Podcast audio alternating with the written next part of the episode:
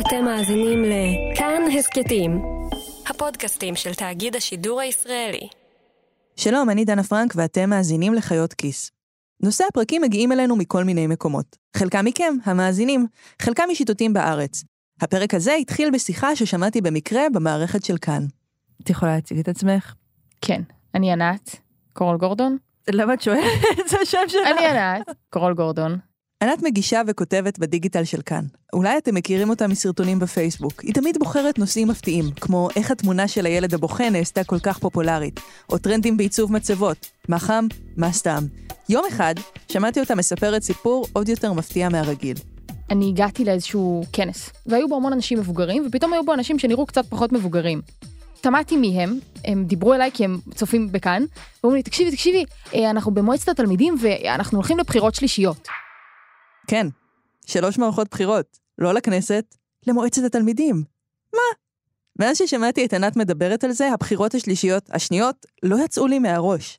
לא מספיק שהמדינה תקועה בלופ של בחירות שלא נגמרות, עכשיו זה גם קורה בעוד מקום, ועוד במועצת תלמידים.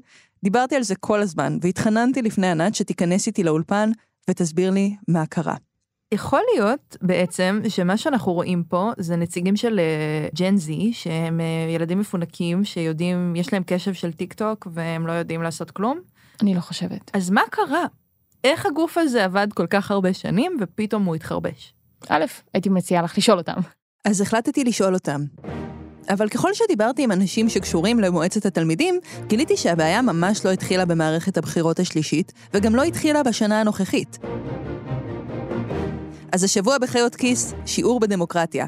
איך מועצת התלמידים הארצית נקלעה למערבולת פוליטית, ומה זה קשור לעולם המבוגרים.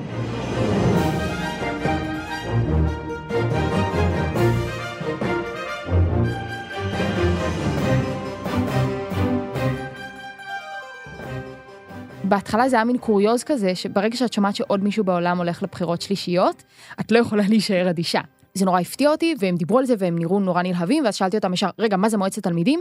את זוכרת את מועצת תלמידים מהילדות שלך? זה שילדים מחלקים סוכריות כדי שתצביעי להם. זה מועצת תלמידים בעיניי. אז לי יש בראש אותי בכיתה א', עם פלקט ענקי עליי שכתוב בו, תבחרו בי, ואז נחרדתי כל כך מה, מהעוצמה של התשומת לב שפשוט פרשתי מהמרוץ. ואולי חבל שענת פרשה מהמרוץ בכיתה א', כי אם יש משהו שמתמקצעים בו בדרך למועצת התלמידים והנוער הארצית, זה איך להיבחר בקמפיין. יש ילדים בבית ספר שלך שמתמודדים מולך? לא ממש. איתי קרויטורו רק בן 15, אבל הוא כבר הרבה שנים בביזנס של פוליטיקת נוער. להיבחר בבית הספר שלו כבר די קטן עליו. הוא עמוק בדרגים הגבוהים של מועצת התלמידים. נער סופר מרשים, שתמיד רוצה יותר. מועצות תלמידים, אה, לצערי, ברמה הבית ספרית הם לא דבר מאוד נחשק. מועצת התלמידים ברמה הבית ספרית היא מה שהיה לי ולענת בראש כשדיברנו על ממתקים ופלקטים של בחרו בי. אבל זאת רק דרגה אחת, או בז'רגון הפנימי, גלגל, של מועצת התלמידים בישראל. מדובר במערכת שלטונית מורכבת, הרבה יותר משנדמה לכם. הנה מה שאתם צריכים לדעת עליה, בקצרה. מעל המועצה הבית ספרית ההיא שכולנו מכירים, יש את המועצה העירונית. מעליה, מועצה מחוזית, ומעליהן, ארצית. כל אחד מהחברים בגוף הארצי חייב להיבחר בכל אחת מהדרגות כדי לכהן במועצה הארצית. אז כשאיתי מתמודד בבחירות בבית הספר שלו בחיפה, הוא מוכרח לנצח כדי להתקבל לעירונית, ואז למחוזית, ואז לארצית. כל שנה מחדש. זה המון המון לחץ, וזה עוד לפני שדיברנו על בגרויות, טסטים, צו ראשון. ולהיות במועצה הארצית זה big deal.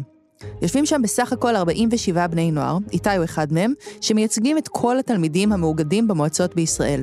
בסך הכל, בכל סוגי המועצות, בכל המחוזות והרשויות, חברים כ-30 אלף בני נוער, והם מייצגים כ-700 אלף תלמידים ישראלים. זה הרבה הרבה כוח. מה הם עושים? מועצת התלמידים והנוער הארצית פועלת בכמה מישורים. יש את המישור שלה לעשות דברים למען הנוער, כמו למשל הפסקות פעילות שאנחנו היינו זוכרים, כמו להפיק אירועים בעיר, דברים כאלה. יש את המישור של הייצוג.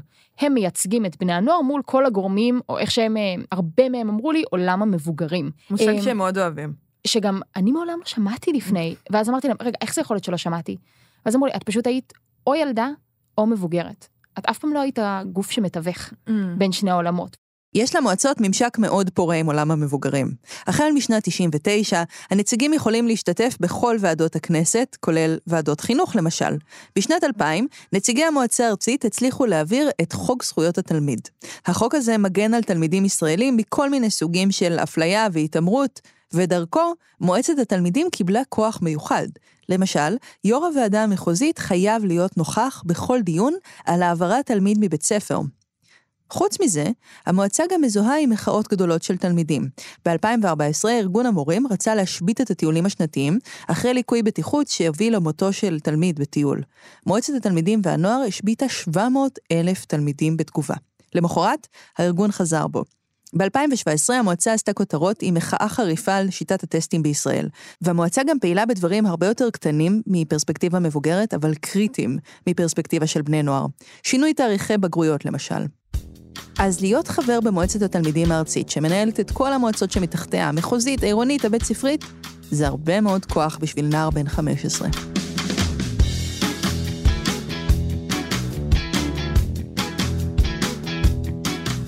17 ביולי 2019 היה יום גדול בשביל איתי. אחרי שנים שהצביע במועצות התחתונות, סוף סוף הוא הגיע לקחת חלק במקום האמיתי, המועצה הארצית. המקום שבו דברים באמת זזים. בשביל איתי, זה היה יום שהוא חלם עליו מאז שהיה בן עשר. כן, עשר. אז אחותו הייתה בחטיבת הביניים והכירה את העולם של מועצות הנוער העירוניות. איתי, שהיה ילדון, החליט שזה נשמע לו מגניב. וביום הזה, בפעם הראשונה שכף רגלו של איתי דרכה במועצה הארצית, היו בחירות, להנהגת המזכירות הארצית. נכנסתי ישר למליאה הזאת, נבחר יו"ר מהמחוז שלי, גאווה, שמחה, קצת שוק והלם עדיין מזה שנכנסתי ובואו אני בארצית. ואז אחד אחרי השני אני רואה שלא נבחר, לא נבחר עוד בעל תפקיד, ולא נבחר עוד בעל תפקיד, לא נבחר עוד בעל תפקיד. הנציגים במועצה הארצית לא הצליחו להגיע להסכמה על אף תפקיד במזכירות. חוץ מיו"ר. כאילו ראיתי את המשבר אה, מתהווה בעיניים שלי. עכשיו זה לא שלא היו שמועות ורחשים על זה שהארצית זה כבר לא מה שהיה פעם. מה היה המשבר? אז ככה. בעולם המבוגרים מצביעים לרשימות. בעולם הנוער מצביעים ליחידים, לבעלי התפקידים במזכירות הארצית. בבחירות ביולי נבחר יו"ר וגם מבקר, עוד תפקיד במזכירות. שאר התפקידים לא נבחרו. וכאן נכנס לתמונה גיבור נוסף, או נבל. הפתק הלבן. אם אתה מתמודד מול מישהו, אחד מכם לפחות חייבים להיות לו יותר מ-50% מהקולות. לא רוב, 50% פלוס אחד. אם אתה מתמודד מול עצמך, משהו שאנחנו לא רגילים אליו, אבל במועצת התלמידים זה דבר נורא נפוץ, צריך שפחות מ-33% מחברי המועצה יצביעו לפתק הלבן. ומסתבר שהדבר הזה הוא מאוד מאוד מאוד קשה. בעולם המבוגרים, כמו בעולם התלמידים, פתק לבן הוא הצבעת מחאה. אנשים מטריחים את עצמם לקלפי כדי להכניס פתק שלא כתוב עליו כלום. יובל דיסקין, ראש השב"כ לשעבר, אמר לאחרונה שזאת תהיה הבחירה שלו בבחירות המתקרבות בישראל. בצרפת למשל, כ-11% מהבוחרים בבחירות האחרונות הצביעו בפתק לבן, שזה הרבה, אפילו המון. רק שבעולם המבוגרים, הצבעה בפתק לבן לא תכריע את הבחירות. מי שנבחר הוא מי שזכה במרבית הקולות הכשרים. לעומת זאת, בעולם התלמידים, יכולה להיות קלפי שמחציתה פתקים לבנים. וקלפי כזו, משמעותה שהבחירות נכשלו. וזה מה שקרה באותו היום ביולי האחרון. בחמש מתוך שבע הצבעות, יותר משליש מהנציגים בחרו בפתק הלבן על פני המועמד. כששאלתי את החברים למה הם שמו פתק לבן, והאם הם שמו פתק לבן, הם אמרו ש... חלקם אמרו שהם לא מאמינים בפתק לבן, אבל כמעט כולם אמרו שהם כן שמו פתק לבן, והם אומרים, זה פשוט תחושה של חוסר בשלות, או של חוסר התאמה, או של חוסר אמון. זאת הייתה רעידת אדמה. אז מה אתה רואה, חדר מלא באנשים צורכים? לא צורכים, אבל חדר מלא באנשים אה, קצת חסרי אמון, אחד בשני, במקום, שצריכים איזושהי הנהגה. בחודשיים שלאחר מכן, הכאוס ההנהגתי נמהל בכאוס שמאפיין תמיד את תקופת הקיץ בימי הנעורים. איתי היה בבית רק יומיים בכל חודש אוגוסט. בשאר הזמן הוא והנציגים האחרים היו בסמינרים של הנהגה, למדו על המועצה ונערכו לבחירות מספר 2, בספטמבר. איתי ניסה לתמוך ביו"ר ככל שיכל. התבאסת קצת שכאילו סוף סוף אתה מגשים את החלום שלך וזה מה שקורה? במובן מסוים ובמובן מסוים לא. כי הרגשתי שיש לי אולי את ההזדמנות הכי משמעותית שיש ב-20 ומשהו שנה האחרונות, לעצב את איך ייראה ייצוג הנוער בארץ. Mm. מאוד השתדלתי להיות בראייה אופטימית על הדברים גם. לכן, לאור המשבר במועצה, איתי החליט שלהישאר נציג זה לא מספיק. הוא אמנם היה חדש במועצה הארצית, אבל בגלל המצב העגום שלה, הוא החליט לקחת אחריות ולהתמודד בעצמו על תפקיד במזכירות הארצית, יו"ר הוועדה האתית, המקביל ליועץ המשפטי לממשלה. הוא הגיע דרוך ליום הבחירות בספטמבר. זה היה יום חם, הנציגים הגיעו, הרוגלח נשלפו, הקלפיות הוחבאו מאחורי הפרגודים, ויאללה, לבחור מזכירות ארצית. הפעם לא הצביעו על היו"ר והמבקר, נשאר מי שכבר נבחר, אלא רק על חמשת התפקידים האחרים. ושוב, מתחילים כמובן מסגן היושב ראש, כי זה הדבר הראשון מבחינת סדר חשיבות. יש שניים או שלושה מועמדים, אף אחד לא נבחר, וזה מכניס אותי ללחץ. כי חשבתי, יכול להיות שהפרדיגמת חשיבה הזאת תמשיך של, של אף אחד לא ראוי. והיא תיגרר גם לתפקיד שלי, תיגרר גם לתפקידים הבאים. מה הלחץ עשה לך? מה, מה הדבר הראשון שעשית? לשתות מים, להיכנס ולהגיד מה שיהיה יהיה, ולתת את הכי טוב שלי. ונראה שהכי טוב של איתי היה טוב מספיק. כי ברגע האמת, הוא נבחר ליו"ר הוועדה האתית. אבל הוא היה במיעוט. שאר התפקידים במזכירות לא מולאו. הפתק הלבן שוב ניצח. ומולי... הצבעת? חשבת שהיה מישהו שהיה ראוי? כן. כן. במובהק, אתה אומר. כאילו. הייתה איזושהי קונספציה שבסופו של דבר נשברה, שהבן אדם שנכנס צריך להיות מושלם מהרגע הראשון. בהתבסס על, בעיניי, אשליות משנים קודמות, שכל האנשים שנכנסו מהרגע הראשון היו מדהימים ומושלמים בתפקיד שלהם. וזה פשוט גרר לחוסר אמון של אנשים באחרים. הבחירה לא לתת אמון באף אחד, היא בחירה לא לתת אמון בהון האנושי של המועצה עצמה. וזו בחירה שהכניסה לאיזושהי תסבוכת. בסוף סבב הבחירות השני, ארבעה תפקידים נשארו לא מאוישים, והמשבר שקצת נבלע קודם באווירת הקיץ, התחיל להיות מאוד מאוד מורגש. זה התבוססות באיזשהו משבר הנהגתי. זה לא איזה משהו טכני של וואי, לא נבחר, זה בעיה. זה בעיה כי המליאה לא הצליחה אה, לתת אמון באנשים ברמה הכי פונדמנטלית של, אה, של דמוקרטיה. אולי לא מיותר להזכיר שרק ימים ספורים לפני הבחירות השניות במועצה, היו עוד בחירות. שלום רב לכם וערב טוב מאולפני תאגיד השידור הישראלי, 17 בספטמבר כמעט, מוצא יום הבחירות לכנסת ה-22, חמישה חודשים ושבוע בלבד, מאז הפעם הקודמת שהתכנסנו לסכם מערכת בחירות. כמו כל הגופים שמתוקצבים בידי המדינה ובידי משרד החינוך, גם מועצות הנוער הבחינו בקיפאון במערכת השלטונית. לאט לאט אנחנו מתחילים להרגיש את הכרסום התקציבי. מה זה אומר? אירועים שלסגור מקום אליהם הופך קשה יותר. החזרי נסיעות שאנחנו מקבלים על זה שאנחנו מסתובבים בכל הארץ וזה עולה מאות שקלים בחודש לכל אחד מהנציגים שהמחוזות פתאום מתחילים להגיד אין לנו כסף לתת בכלל. מלחמות מול אנשים אה, בשביל שיהיה ברמת הכיבוד למליאות. זה מכרסם בכל מקום, אירועים גדולים שהתקציב שלהם פתאום ידלדל.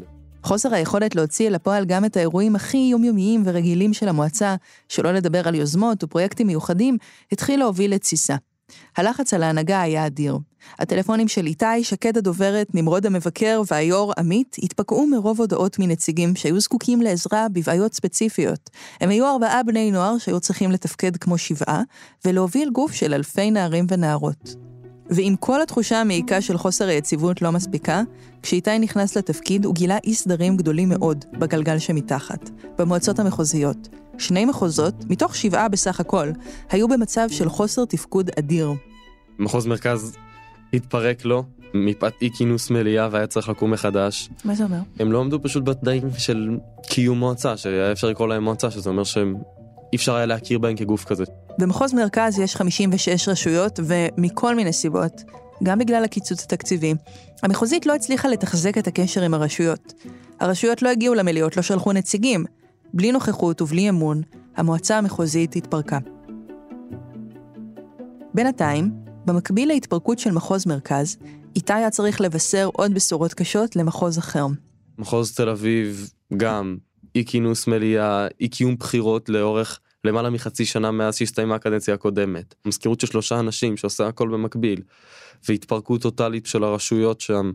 גם זה היה צריך ממש להיבנות מהיסוד. ומי שהיה צריך להודיע לכל האנשים האלה שהם לא יכולים להמשיך ולהיות מיוצגים במועצה הארצית, זה איתי.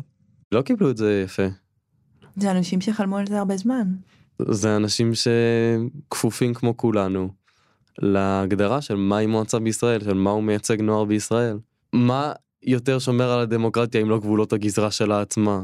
שהאנשים שמייצרים אותה קבעו לה. אז זה כאילו, זה גם משחק כמעט פילוסופי, זה... זה גם אנשים שהם חברים. נכון. זה גם אנשים שקרובים אליך ברמה האישית. זה קושי רגשי. שכשבאים ומבקשים ממך להחליק, ובאים ומבקשים ממך אה, להחריג פה ולהחריג שם, אתה אומר לא, אני עומד על הגבולות ש... שהגדירו, אז אתה מקבל התנגחויות בחזרה. איתי בן 15, אין לו תעודת זהות, וזה היה לו קשה מאוד. לפי איתי, החוויה של הנציגים במועצה הארצית הייתה שהם לא מסוגלים לפעול. הם לא מסוגלים כי המועצות איבדו תקציבים, ובעצם אין עם מה לעבוד. התקציבים של המועצות עבדו כי אין תקציב בממשלה. מינואר, כל הגופים שקשורים לממשלת ישראל עובדים על תקציב המשכי. מה זה? ובכן, התקציב הוא בעצם ספר סדרי העדיפויות של הממשלה, ומאחר שאין ממשלה נבחרת, אין מי שיגדיר סדרי עדיפויות. לכן התקציב של השנה הוא בעצם המשך של התקציב משנה שעברה, ושל סדרי העדיפויות הקודמים. לוקחים את תקציב השנה הקודמת, מחלקים ב-12, ובכל חודש החשב הכללי באוצר מחליט איזה משרד מקבל כמה. כך שתקציב משרד החינוך, שמממן את המועצות, נפגע משמעותית, והיכולת של המועצות לפעול די התחסלה. וזה גרם לנציגי מועצת התלמידים לאכול אחד את השני.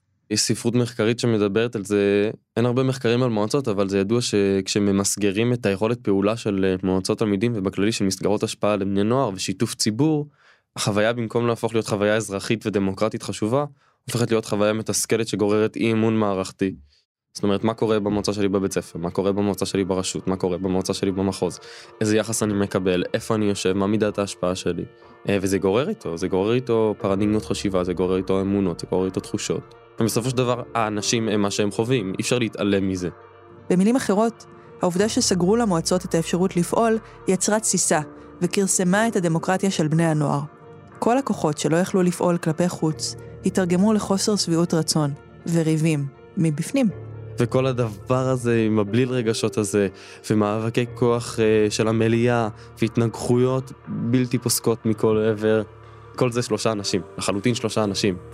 תקופה מאוד אינטנסיבית, מאוד אינטנסיבית של uh, מ-6 בבוקר עד 1 בלילה.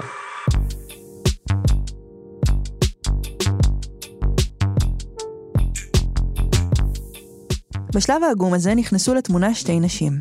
שלי, כן. תציגי את עצמך בבקשה. אז אני שלי. שלי מוניצור הייתה אחת מהן. שלי היא יו"ר עמותת במתנה, עמותת הבוגרים של מועצות הנוער. כשהיא הייתה בת 14, החיים שלה השתנו.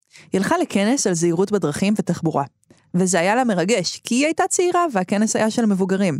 אבל הייתה שם דוברת אחת שממש נכנסה לליבה.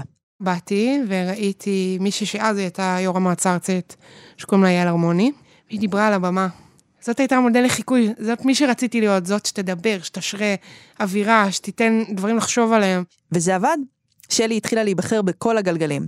הבית ספרי, העירוני, המחוזי, היא הייתה יו"ר מחוז מרכז. תפקיד השיא שלה היה יו"ר הוועדה האתית הארצית, מה שאיתי עושה היום. שלי בת 35, יש לה שתי ילדות. שלי עבדה במשך שנים בביטחון בנתב"ג, אבל בשנתיים האחרונות היא לא עובדת. העיסוק המרכזי שלה הוא תמיכה במועצות התלמידים. אני אישית חברה במגוון קבוצות שקשורות אה, למועצות. איזה למשל, תגידי? יש 35, ספרתי אתמול, יש לך 35 קבוצות של שרק שקשורות למועצות. יש לי עוד קבוצות בחיי. תקריאי. אז יש לי מזכירות ארצית, מורחבת ארצית, מועצה ארצית הודעות, ועדת דוברות, חופרים ונהנים מחוז מרכז, נוק ללא גבולות, ועדת בחירות מחוז מרכז, מדריכי כל בוקר שלי קמה לבין מחוז 400 ל-500 הודעות בוואטסאפ. היא שוחחה בטלפון עם נציגי המועצה הארצית גם כשהייתה בחדר לידה, מחוברת לחמצן. אז אפשר להבין למה בשלב שבו היו"ר התפטר ושני המחוזות קרסו, אחרי הבחירות השניות, האווירה בעמותת הבוגרים של המועצה הייתה קשה מאוד. בסופו של דבר, את יודעת, נוסטלגיה וכאלה, זה הבית שלנו, אם זה יתפרק, כולנו נגיד פעם, כשהיינו קטנים, היו מועצות תלמידים. היום אין. למה? כי זה נגמר. רק ששלי משוכנעת שהבעיות של המועצות לא התחילו ביולי 19. שלי לוקחת חלק במועצה בדרך כזאת או אחרת כבר 21 שנה. סבב הבחירות שבו לא הצליחו למלא שישה תפקידים, היה רק שיא, בהידרדרות שהיא רואה כבר הרבה מאוד זמן.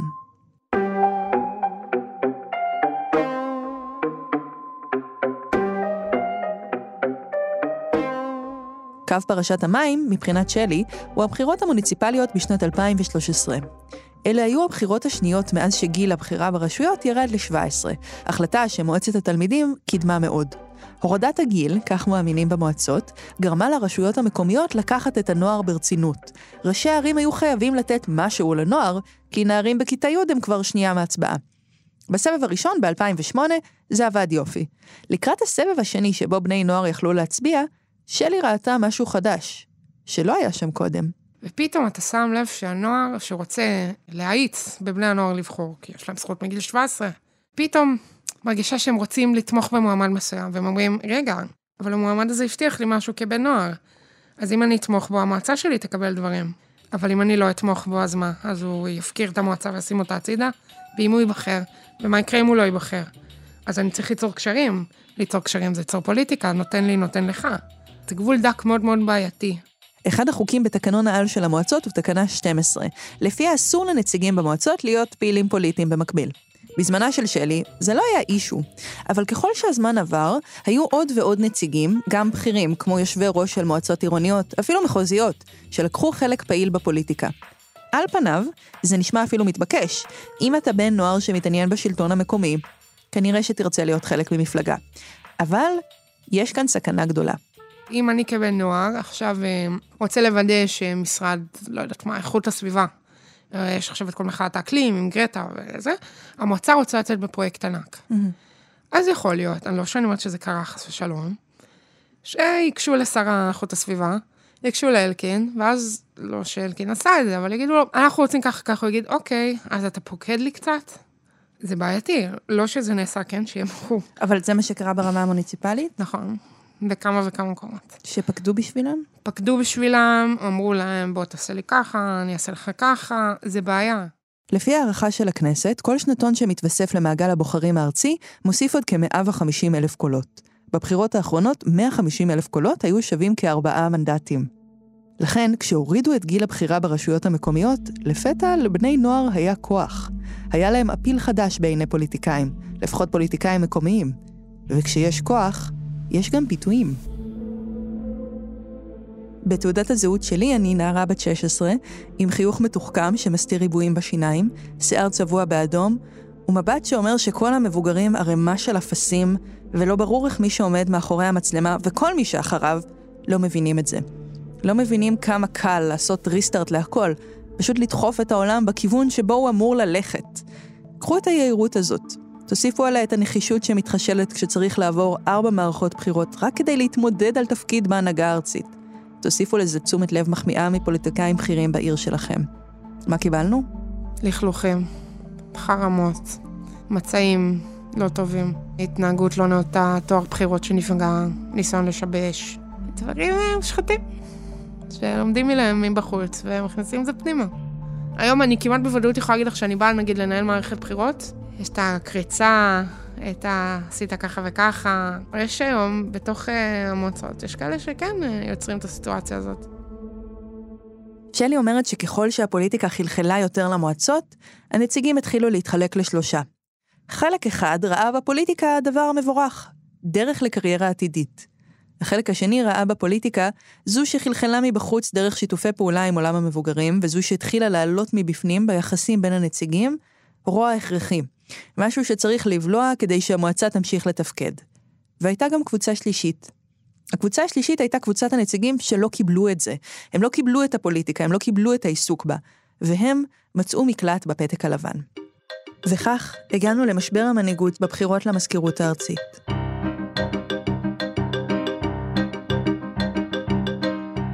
ממש לפני הבחירות האחרונות, הסבב השלישי, שלי העבירה סדנה במליאה הארצית של מועצת התלמידים. זאת הייתה מליאה ארצית, אבל הגיעו אליה פחות מ-30 נציגים. היה כאן את הסדרה 84. אני זוכרת משהו מהפרק האחרון, שגיל, הגנן, אמר שכמו שכל ילד צריך שמבוגר יאמין בו, כל מבוגר צריך שילד יאמין בו. והרגיש לי שהם כבר, הם לא מאמינים לאף אחד, והם לא מאמינים באף אחד. שזו נקודה ממש רעה. לכל בן נוער, לאו דווקא בן נוער שמתעסק במועצות. אם אתה לא מאמין במישהו שיבוא ויתווה לך את הדרך, אז מה עשית בזה? היום אני יכולה לקרוא לעצמי מבוגרת. במה אנחנו מאמינים? מה אנחנו עושים? בסדנה, שלי סיפרה על כל מיני אנשים שהשפיעו על החיים שלה. דמויות מגוונות, כמו מנהל התיכון שקיבל אותה למרות שיש לה שפע של הפרעות למידה, ובזכותו יש לה בגרות, וגם טרייסי צ'פמן, שהיא מאוד אוהבת. ואחרי שהיא סיפרה לנציגים למה היא בחרה בכל הדמויות האלה, היא הפילה את הפצצה. ואז אמרתי להם, תקשיבו, זה לא יעזור, אתם צריכים להיות מודל לחיקוי. קודם כל להם וגם לעצמכם מבפנים. אתם מרגישים טוב עם מה שאתם עושים עכשיו? אתם מרגישים טוב עם ההתנהלות? אתם מרגישים טוב עם זה שאין לכם קודקוד? הרי קודקוד צריך להשרות אווירה של עשייה. להגיד, אני עושה, תעשו גם אתם, אני מבצע, תבצעו גם אתם. והם עצרו, והאמת שאני מכירה אותם הרבה זמן, השתיקה שהייתה בחדר, הדממה. אוקיי, שרוצה להגיד משהו? לא. שלי אומרת שממש מיד אחרי המליאה הזאת, היה אפשר להרגיש את השינוי. פתאום הם, הם לא רוצים להיות כמו מבוגרים, זה מגעיל אותם. הם מסתכלים על המערכת הבחירות השלישית הזאת בתור מיותרת. הם רק חושבים איך לפתור את זה, והם לא יודעים איך. הם מרגישים אבודים בשביל המבוגרים, ומנסים לעשות את זה אחרת. העובדה שהם לא רוצים להידמות להם, הם רוצים להיות שונים מהם, זה הישג, זה הניצחון. והייתה עוד אישה שמאוד השפיעה על הבחירות האלה. משהו בהם היה לו מאוד מאוד לא נעים שהם הגיעו למצב של המדינה. זאת שוב ענת קורול גורדון מהדיגיטל של כאן. כמה מהאנשים אמרו לי, תקשיבי, אני חושב שלזה שאתם נכנסתם לתמונה, אתם התקשורת, עם המצלמות שלכם. יש לזה איזשהו תפקיד, כי פתאום כשהם מגיעים ליום הבחירות יש שם צוות צילום ורואים אותם, ואם הם לא מגיעים, אז כולם ידעו שהם לא באו. אמרו, אנחנו חושבים שלזה שמישהו מבחוץ הביע התעניינות והראה שיש למקום הזה חשיבות, ושאם הוא לא ייפול ויעלם, יש לזה קול, אז פתאום הם הרגישו, אוקיי, אנחנו חייבים לגרום לזה להצליח. ואני גם צריך להיראות טוב. בסבב הבחירות השלישי ירד גשם מטורף. תנועת הרכבות נחסמה לחלוטין ממחוז הצפון ומחיפה. איתי, שהיה אחראי על הבחירות, הגיע בחמש בבוקר לפני הגשמים, אבל היה חשש ממשי שלא יגיעו מספיק נציגים כדי לקיים את הבחירות. תקדים שנמצא מיום שלג בירושלים, אפשר לנציגים לערוך את הבחירות עם פייסבוק live, ולאפשר הצבעה דיגיטלית. עכשיו אנחנו ניגשים להצבעה בעצם, ונכתוב בתגובות מי המועמד המועדף עליכם. ואיתי עשה עוד משהו. זה הפתרון שנתנו לפתק הלבן עובד. כתבנו לפתק הלבן, פתק לבן. למה זה עובד? כי זה הרתעה פסיכולוגית. כשאתה בא, במקום לשלשל פתק לבן, אתה משלשל החלטה. איתי רצה להבהיר למי ששוקל לבחור בפתק הלבן, שזאת בחירה אקטיבית, והמשמעות שלה יכולה להיות להיתקע בעוד מהלימבו השלטוני הזה. אבל זה לא קרה. תופים!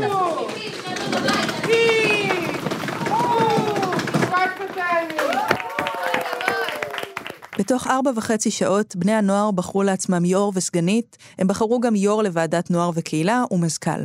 שלי מוניצור מעמותת הבוגרים החליטה להיות המבקרת של המועצה, לפחות עד שתסיים לצאת מהמשבר ולהיוולד מחדש.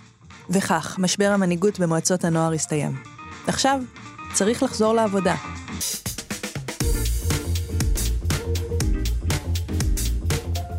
שאלתי את איתי אם הממשק עם עולם המבוגרים גרם לו לרצות להמשיך במסלול הזה, ולהיות משרת ציבור. הוא אמר שממש לא. זה מאוד שוחק אה, ברמה המנטלית להיות אה, במקום הזה בפוליטיקה כזאת, שזה 24/7 ככה. אין לאן לברוח מזה. אתה יכול לתאר לי אבל סיטואציה שראית?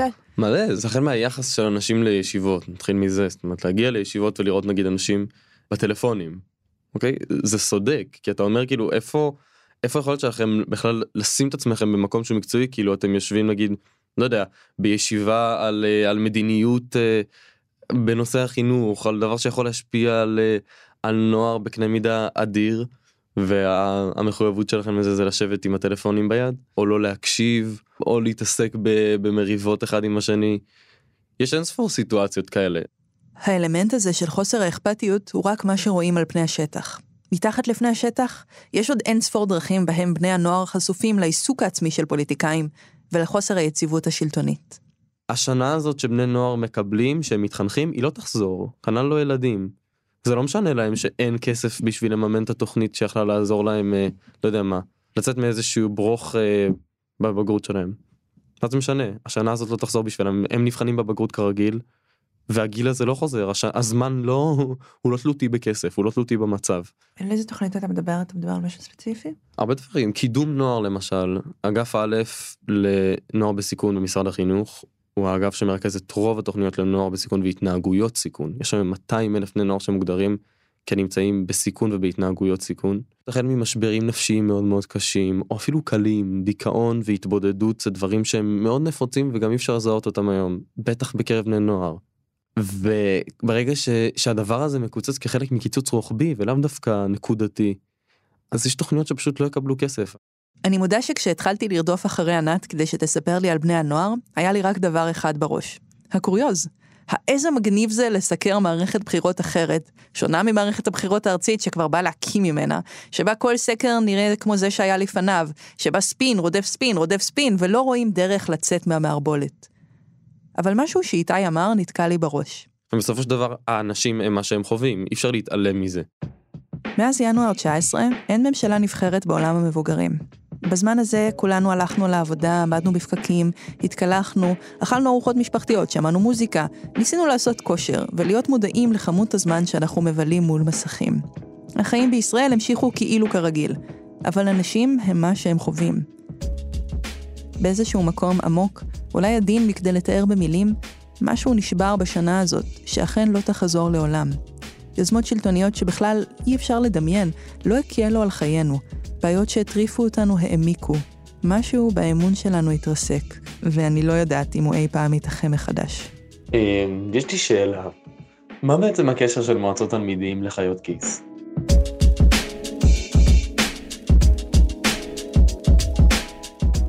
האזנתם לחיות כיס. העורך והמפיק שלנו הוא רום אטיק, ועורך הסאונד אסף רפפורט. תודה לרחל רפאלי על הסיוע בעריכה. במערכת חברים גם צליל אברהם ושאול אמסטרדמסקי. את הרעיונות ביום הבחירות השלישי ערכה ענת קורול גורדון והקליט מאורי אלטרס. תודה לחן ביאר, כתב כאן מקומי. אם גם אתם הבטחתם הפסקה ארוכה יותר, ואז גיליתם את מגבלות הכוח, או שאין לכם כוח לשמוע יותר על הבחירות, בואו לקבוצת חיות כיס בפייסבוק. ויש גם קבוצה חדשה לכל הפודקאסטים של כאן, חפשו כאן הסכתים. אפשר להאזין לנו באתר כאן ובכל אפליקציות הפודקאסטים. אני דנה פרנק, תודה רבה שהאזנתם.